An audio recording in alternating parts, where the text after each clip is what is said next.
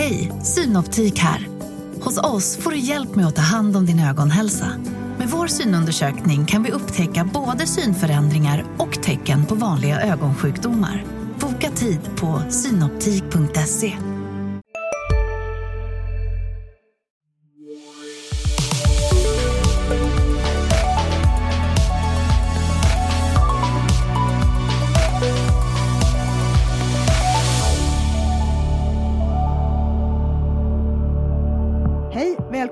Analyspodden, Dagens Industris podd om börs och aktier. Idag är det jag, Agneta Jönsson och kollegan Ulf Pettersson som är bakom mikrofonerna. Vad tycker du vi ska prata om idag, Ulf? Ja, det finns som vanligt mycket att prata om. Vi har ju haft en eh, intressant börsvecka med uppgång i torsdags. Vi har haft Fed-besked, vi har haft lite rapporter och eh, lite nyheter också. Så det går nog att fylla ut, fylla ut vår tid även denna vecka. Tror jag säkert. Och sen kanske du har med dig något aktiecase att bjuda på också. Inte bara ett, utan två. Hej, Ulf Kristersson här. På många sätt är det en mörk tid vi lever i. Men nu tar vi ett stort steg för att göra Sverige till en tryggare och säkrare plats. Sverige är nu medlem i Nato. En för alla, alla för en. Vi är specialister på det vi gör, precis som du. Därför försäkrar vi på Swedea bara småföretag, som ditt. För oss är små företag alltid större än stora och vår företagsförsäkring anpassar sig helt efter firmans förutsättningar. Gå in på swedea.se företag och jämför själv.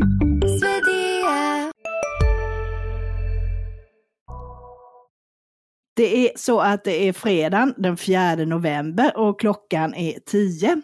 Så vet ni vad vi vet. Eh, oktober blev ju faktiskt den sämsta börsmånaden i år och på Stockholmsbörsens breda index föll nästan 4% och standarden på runt 2% Men nu ser det lite ljusare ut här faktiskt denna veckan. Om det håller i sig nu eh, så kan det faktiskt bli den bästa börsveckan i år här. Eh, vad är det som har hänt Ulf? Ja, det går snabbt i, i hockey. Förra månaden var den sämsta och den här veckan var den bästa. Och det som har hänt eh, är ju dels att börskurserna, som du sa Agneta, var väldigt nedtryckta. Från mitten av oktober egentligen fram till den kraftiga uppgången i torsdags var vi nere nästan 7 på, på Stockholmsbörsen och så fick vi en rejäl eh, upprekyl i torsdags. Den började egentligen i, i onsdags kväll i New York.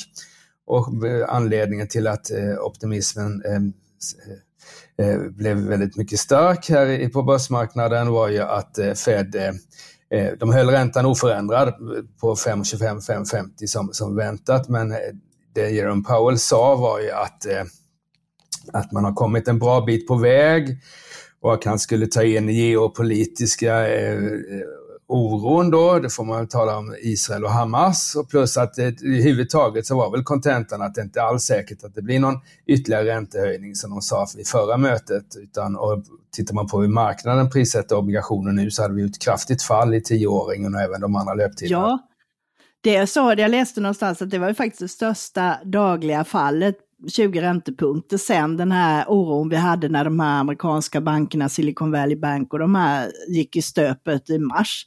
Så det var en väldigt stor rörelse där. Ja, det var det. Och vi hade haft en väldigt stor och märklig rörelse uppåt, alltså stigande räntor dessförinnan som var lite svårbegriplig sådär, att, att räntan helt plötsligt skulle stiga så mycket när man ändå visste att vi var nära en räntetopp från Feds sida. Men det gjorde den och det fanns mycket förklaringar som folk tog fram till det är att budgetunderskottet är stort och att de inte kanske får igenom någon budget här med när det är dags för nästa gång plus eh, och sådär att det skulle liksom finnas ett stort utbud av obligationer vilket höjer vilket skulle liksom eh, höja räntan. Men, men, eh, men jag tyckte det var en märklig uppgång när vi tangerade 5% igen och nu kom det ju ner och det är ju att, att Fed så att säga inte ser någon räntehöjning sannolikt framöver och vad det gäller marknaden så prissätter man nu faktiskt två stycken räntesänkningar från amerikanska centralbanken under 2024 och det, det har vänt trenden och när räntorna går ner så stiger börsen och det beror ju på att eh, eh, börsen handlar om framtida vinster och när man värderar de framtida vinsterna idag till låg ränta så, så motiverar det ett högre bolagsvärde. Så det, det är fullt naturligt.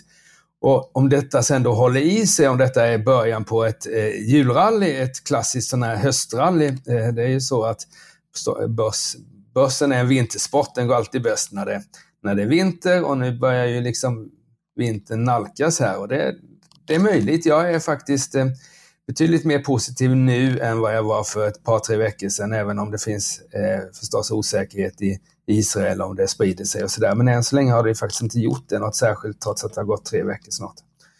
Nej, och idag kan man väl säga också att det är halvdag på Stockholmsbörsen så börsen stänger ett. Så det gör också att idag är det lite sådär avvaktande läge. Det är upp 0,7 nu när vi pratar här och det brukar också vara lite sådär eh, i, sen vi fick eh, den här attacken i Israel så har det också varit, fredagarna har varit lite försiktiga för ofta händer det grejer på helgerna.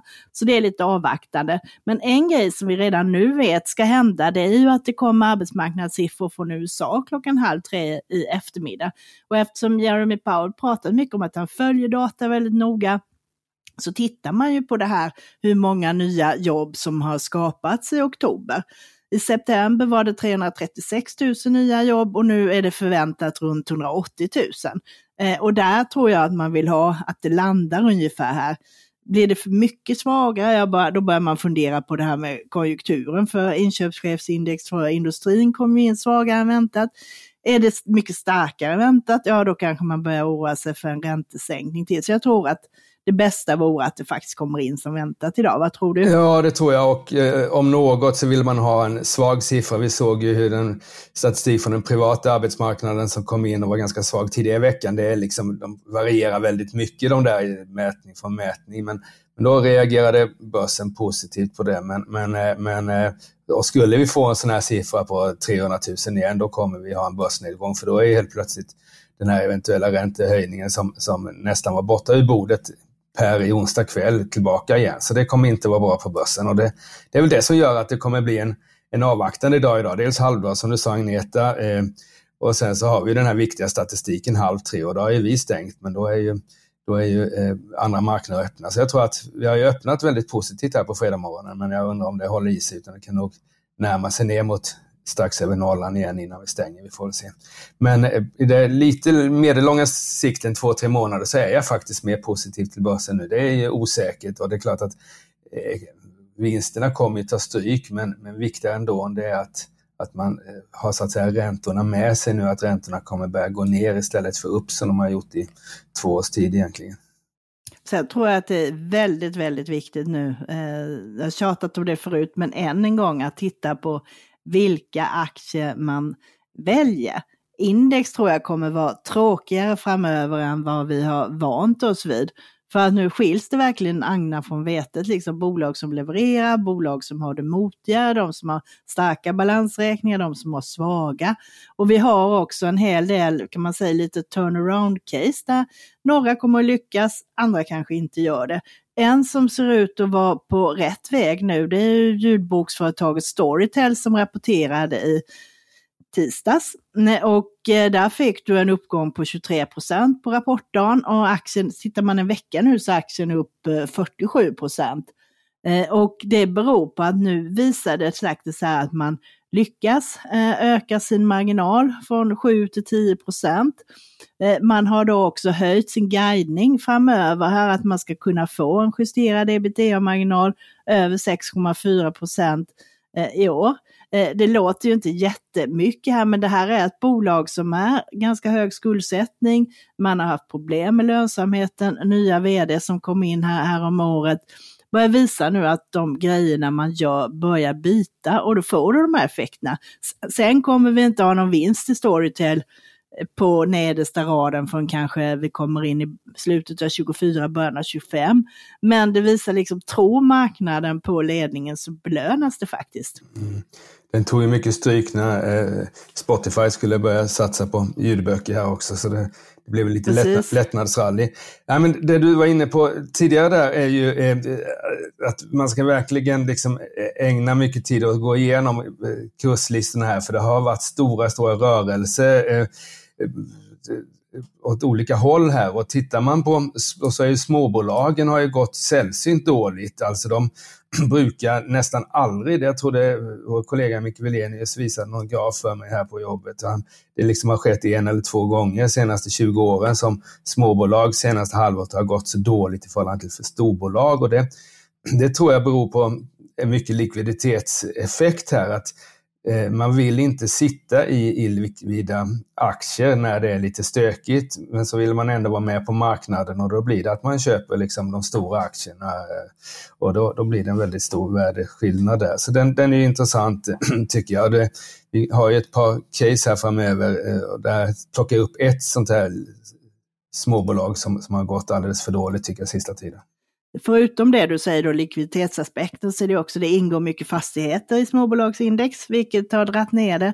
Plus att småbolag har ofta en större exponering mot den inhemska marknaden. Eh, och det är mycket här vi har haft problem med den inhemska konsumtionen och sådant. Så du har liksom en trippel eh, problem där. Och plus utav många av de här bolagen är ju också i en fas där de har räknats som tillväxtbolag och varit högt värderade och sen kommer du in i en motigare marknad så du har fått stryk på flera olika plan på mm. det sättet. Ja, så är det. Så är det. Och det, jag menar inte att man ska köpa, det är, inte, det är inte säkert att man ska köpa en småbolagsfond, men man ska titta på de här som liksom har ramlat ner. Det finns faktiskt ganska gott om bolag som har ramlat ner en 25-30 procent och då är det inte bara förhoppningsbolag utan även riktiga bolag. Som, och där, där, en, del, en del kanske motiverat men andra inte. Men apropå det där med konsumtion och sånt, eh, så tittade du på en rapport här i veckan med ett bolag som ligger i det spåret som hade också lite sån här hype under pandemin och då tänker jag på det här Phoenix Auto som sysslar mycket med friluftskläder och utrustning och sånt. Precis, de gick ju jättestarkt. Eh, under pandemin. Eh, förstås, sen så fanns det sådana som gick ännu starkare för eh, Fenix. En av Fenix viktigaste produkter är ju de här ryggsäckarna som alla skolbarnen har, och inte bara i Sverige utan i, i hela världen. Och när skolorna var stängda så var det faktiskt lite press på försäljningar av Konken-ryggsäckar. Men de övriga delarna, de här fritidsdelarna, gick ju fantastiskt bra. Eh, och sen så har det ju varit lite bakslag för dem. Eh, framförallt var ju eh, halvårsrapporten som kom i somras ett riktigt en riktigt svag rapport med, med eh, en försäljningsminskning organiskt på 6% och så där och aktien rasade. Men så kom Q3 här i, eh, veckan och eh, eh, riktigt bra rapport i alla fall om man jämför med Q2. Eh, försäljningen var oförändrad. Eh, Eh, och sådär. Eh, kassaflödet var ganska svagt, men det beror på att man inte har reat så mycket utan har valt att behålla i lager utan de kommer sälja nu. Och hade det inte varit för det varma vädret som var under september så hade det varit en, en riktigt bra månad enligt VD Martin Nordin. Så blir det nu lite, lite höst och kyla och åtminstone här i Kalmar så är det, är det liksom inte något roligt. Då krävs det rejäla kläder för att man ska gå ut. Så, så tror jag det kan bli en ganska bra Q, Q4 för eh, Fenix. Och det där är ett bolag som, som tack vare sina framgångar under ett par decennier egentligen, de har ju liksom breakat i USA och, och på många världsdelar, eh, har fått en P talsvärdering på över 20 i, i, snitt egentligen. Nu är den nere på 15 och, och eh, så länge varumärket är så starkt som det är så, eh, för deras produkter så tror jag det är ett långsiktigt köp på P15, absolut. Jo, men det är, det är intressant. Eh, eh, jag skrev också här nu i veckan, eller som var i papperstidningen idag här, om de här tre noterade nischbankerna. Eh, Norion Bank, Resursbank och TF Bank. Eh, de kom ju till börsen allihopa i samma veva där 2015-2016, så ingen av dem har varit med liksom under en riktig lågkonjunktur eh, som noterade bolag. Och det kan vara en förklaring till att de här är så väldigt lågt värderade nu. Allihopa handlas till mellan fem och sex gånger nästa års förväntade vinst. Vilket är betydligt lägre än vad man har legat historiskt. De har legat på 8-9, i vissa fall ännu högre. Eh, och eh, det är lite konstigt för de är nästan alla tre tycker jag är egentligen i bättre form som företag än de var när de noterades. Och Norion som hette Collector innan och bytte namn nu i september, de var en väldigt spretig, man säger digital utmanarbank som skulle syssla med det mesta från konsumentlån till bolån till digitalt sparande och en massa grejer. Och eh, sen senaste fyra åren sedan Martin Osman blev vd och eh, jag tror även att styrelseordförande Erik Selin, han är ju också huvudägare både privat men via Balder då, eh, har ändrat inriktning så nu är man mycket mer mot fastigheter och företagskrediter och där har man hittat en egen nisch så att säga som ligger lite vid sidan av storbankerna. Tittar man på fastigheterna där som nu börjar bli en betydande del av deras portfölj så är det lite mindre lån än vad vi ser hos storbankerna. Snittlånet är 125 miljoner. Eh, man har 60 procent utav de här är det man kallar för seniora krediter, det vill säga sådana som har bättre rätt då om bolaget skulle få betalningsproblem och resten är juniora. Man har Eh, pantbrev då, så man har säkerheter i de här fastigheterna och det är ganska korta löptider. Snittlånet är 13 månader, vilket tyder på att det är mycket sådana här brygglån, så att säga, sånt som man har i väntan på annan finansiering. Och sen har man eh, en del konsumentlån kvar, ungefär 25 procent utav utlåningen och sen en del sån här detaljhandelsfinansiering eh, i varumärket som heter Valley. Så att jag tror man har hittat lite sin nisch och det visar sig nu att lönsamheten stiger ganska kraftigt där och man har också fått en starkare balansräkning. Så en del analytiker tror faktiskt att de kan börja med utdelning nu. Eh, det har de aldrig gjort utan de har, innan har det varit fokus på tillväxt. Eh, jag tycker det kanske vore inte jättebra idé för de som ändå har då mycket företag och fastigheter. Jag tror det skulle vara bättre för dem att börja jobba med återköp för att ha mer flexibel eh, balansräkning. Men oavsett så har de ju pengar att kunna agera lite. Så det har betalat sig och tror kan betala sig lite framöver. Sen har du Resurs som jag skrev veckans aktie på i juni. Den har redan hunnit gå upp en del så att den har gått eh, betydligt bättre. Det har gått 20% bättre än indexen, har alltså gått upp när börsen har gått ner. Och där har du att de har bytt ut mycket manuell hantering mot nu en digital eh, bankplattform, vilket gör att de kan jobba mer effektivt och få ner kostnaderna på det sättet. Eh, och sen ser vi nu statistik från eh, SEB att eh, faktiskt så börjar den här konsumentlånen som har varit i fallande trend ett bra tag. Nu börjar vända upp lite försiktigt. I januari hade du en årlig tillväxt på 4% I juni var den ner på 0,4 och nu i september så var det 1,7 och det har ju kanske att göra en del med det här att konsumenter har det lite tuffare, sparandet kanske börjar ta slut, går tvättmaskinen sönder så köper man hellre en eh, där man betalar av det på några månader än att ta alltihopa på en gång. Så det är en trend som gynnar dem, plus då att eh, man kan få ner sina kostnader. Så där tror jag också finns lite mer att hämta.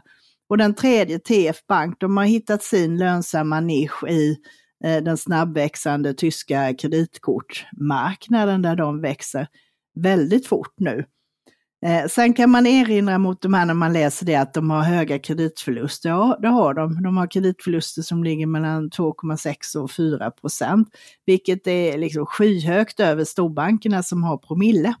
Men samtidigt ligger det i affärsmodellen och man tar också betalt för att ta risk.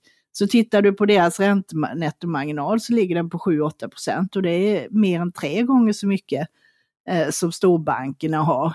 Så att det är däremot om det skulle kreditförlusterna ska börja, börja öka kraftigt så tar det ju snabbt och sänker vinsten. Så det är också en del till att de är eh, lågt värderade. Så att eh, ska man in och köpa sådana här så är det mycket på vad man tror om konjunktur och arbetslöshet och sådana här saker. Men eh, just nu så är det intressant eh, än på länge tycker jag. Är det någon särskild som eh, om du bara fick välja en av de här tre, vem skulle du ta då, givet detta läge?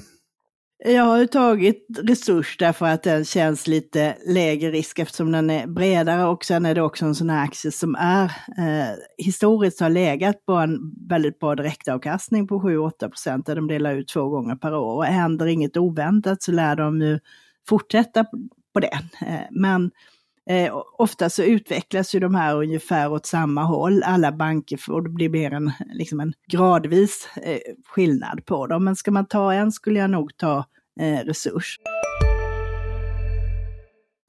Ni är med om det största. Och det största är den minsta. Ni minns de första ögonblicken.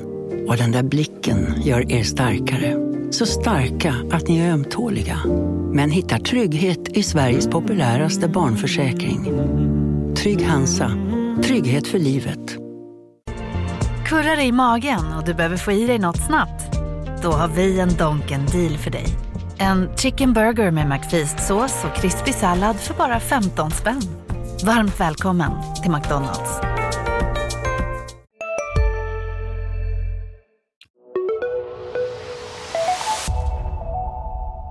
Har du något case med dig som du tycker är spännande? Precis, jag har till och med två. Eh, Dels skrev jag Veckans aktier den här veckan i tidningen. På måndagen har vi den. Eh, och eh, jag skrev om Duni, servettbolaget idag. Och, eller i den här veckan. Och skälet till det är en låg värdering. Det är P under 10. Jag tycker de kommer en jättestark Q3-rapport. God vinstökning trots att marginalen var ner lite grann. Ehm, och man eh, är ju klart, det är klart att deras kunder, hotell och restauranger och sådär, eh, vinstökningen senaste året är ju för att det har varit ett återöppningscase. Men jag tycker det man läser om, om hotellmarknaden är fortfarande stark och restauranger, det är klart det går inte lika bra som, som tidigare kanske, men, men, men, eh, men det går, rullar ändå på bra och det som jag gillar med Duni jämfört med mycket annat sådana här konsumentprodukter just nu, det är att det är en business to business affär. Mycket, mycket, det går inte att köpa de här servetterna så mycket på liksom, eh, eh, eh Dollarstore och ICA och sånt där, utan det är mer en säljer till professionella aktörer. Och då blir det liksom inte den här dramatiska prissättningen med upp och ner och så fort det är lite överutbud så sänker man priserna. Utan jag tror att det kan bli mer stabil, stabil verksamhet för Duni än för många andra konsumentföretag. Och P10 är billigt. Ehm, det tycker jag och det tycker huvudägaren Rune Andersson också som, eh, på Mellby Gård som, som sålde, eller som, som la ett budfixbud här och eh, ökade sitt ägande till 40 procent. Så jag tror att och, skuldsättningen också låg. De har halverat skuldsättningen senaste, senaste året egentligen, så de skulle kunna genomföra återköp eller göra något eh, rimligt förvärv eller sådär. Så, eh, så jag tycker det är en, en hyfsad lågrisk aktie i, i dessa, dessa börstider. Mm, ja, men det är intressant. Och du då Agneta, eh, har du med dig något? Ja, jag tänkte lite, en som jag tycker är intressant som faktiskt kan vara lite utav ett rapportspäck också om man tycker sådana saker är kul. Det är ju Securitas som kommer med rapport här på tisdag, 7 eh, november. Eh, och där brukar det bli stora kursreaktioner på rapportdagen. Sen är vi ju positiva till den här på ett års sikt eh, också. Så att det är liksom inte bara någon gambling-grej här. Men det som händer där är att eh, de kommer ju nu då med rapport och eh, denna gången så väntar man sig här att du kanske får ett, till och med en förlust på nedersta raden eh, på eh, ungefär eh, en och en halv miljard. Och det beror på att man tar en stor nedskrivning i Argentina på 3,5 miljard. Så man berättade redan i andra kvartalet att det här skulle komma och det gör att man avvecklar den verksamheten eh, nu eftersom man anser att man kan inte få tillräcklig lönsamhet och den förlusten som man bokade är i princip bara valutaeffekter.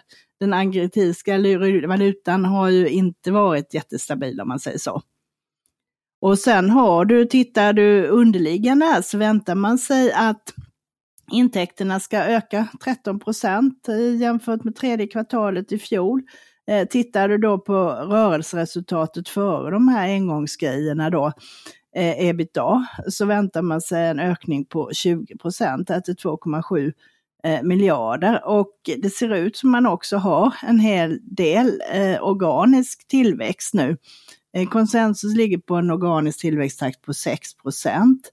Eh, och det är en stor spread i det där mellan 4,5 och 8,8 procent. Eh, så lyckas man hålla uppe det där och eh, jobba med att förbättra sina nyckeltal och sina marginaler för övrigt här, man jobbar ju för att minska liksom andelen manuella tjänster och öka mer digitala. Det är väl det som är grundcaset i det här. Och samtidigt är de liksom lågt värderade. De handlas till eh, nio gånger vår förväntade vinst eh, för nästa år. Eh, och det är betydligt lägre än vad de brukar vara, så att vi har ju en riktkurs på 106 kronor här och ja, en potential på en 15 procent ungefär. Just det. Eh, den här tillväxten, är det, är det eh, att man har lyckats höja priserna eller vad är det som gör att 6% tycker jag låter, låter bra så att säga på organiskt? Det låter bra och det är mycket prishöjningar i det. Där har ju, de har faktiskt varit duktiga. De har ju mycket lönekostnader får man väl säga och de har varit duktiga på att föra över det till sina kunder. Så att, och de signaler hittills i år så har det inte varit några problem utan de har hängt med med det. Och det ser ut som de kommer göra det denna kvartalet också. Bra, du är inte ensam om att rekommendera eh, köp Security, eller åtminstone vara positiv. Eh, det dök upp på skärmen precis här att Öresund hade köpt en miljon aktier tydligen, eller vad Så. Ja, det är ju liksom ett sådär lite försiktigt case, mm. får man väl säga.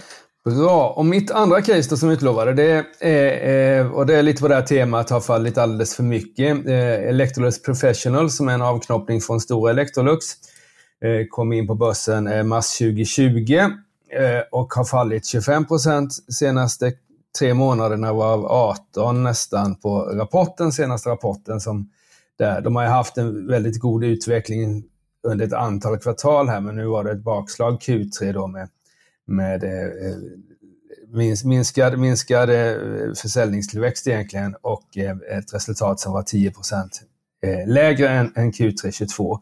Men tittar man lite under, under siffrorna så var det ganska mycket negativa valutaeffekter på 40 miljoner. Det gjorde egentligen hela vinstbortfallet.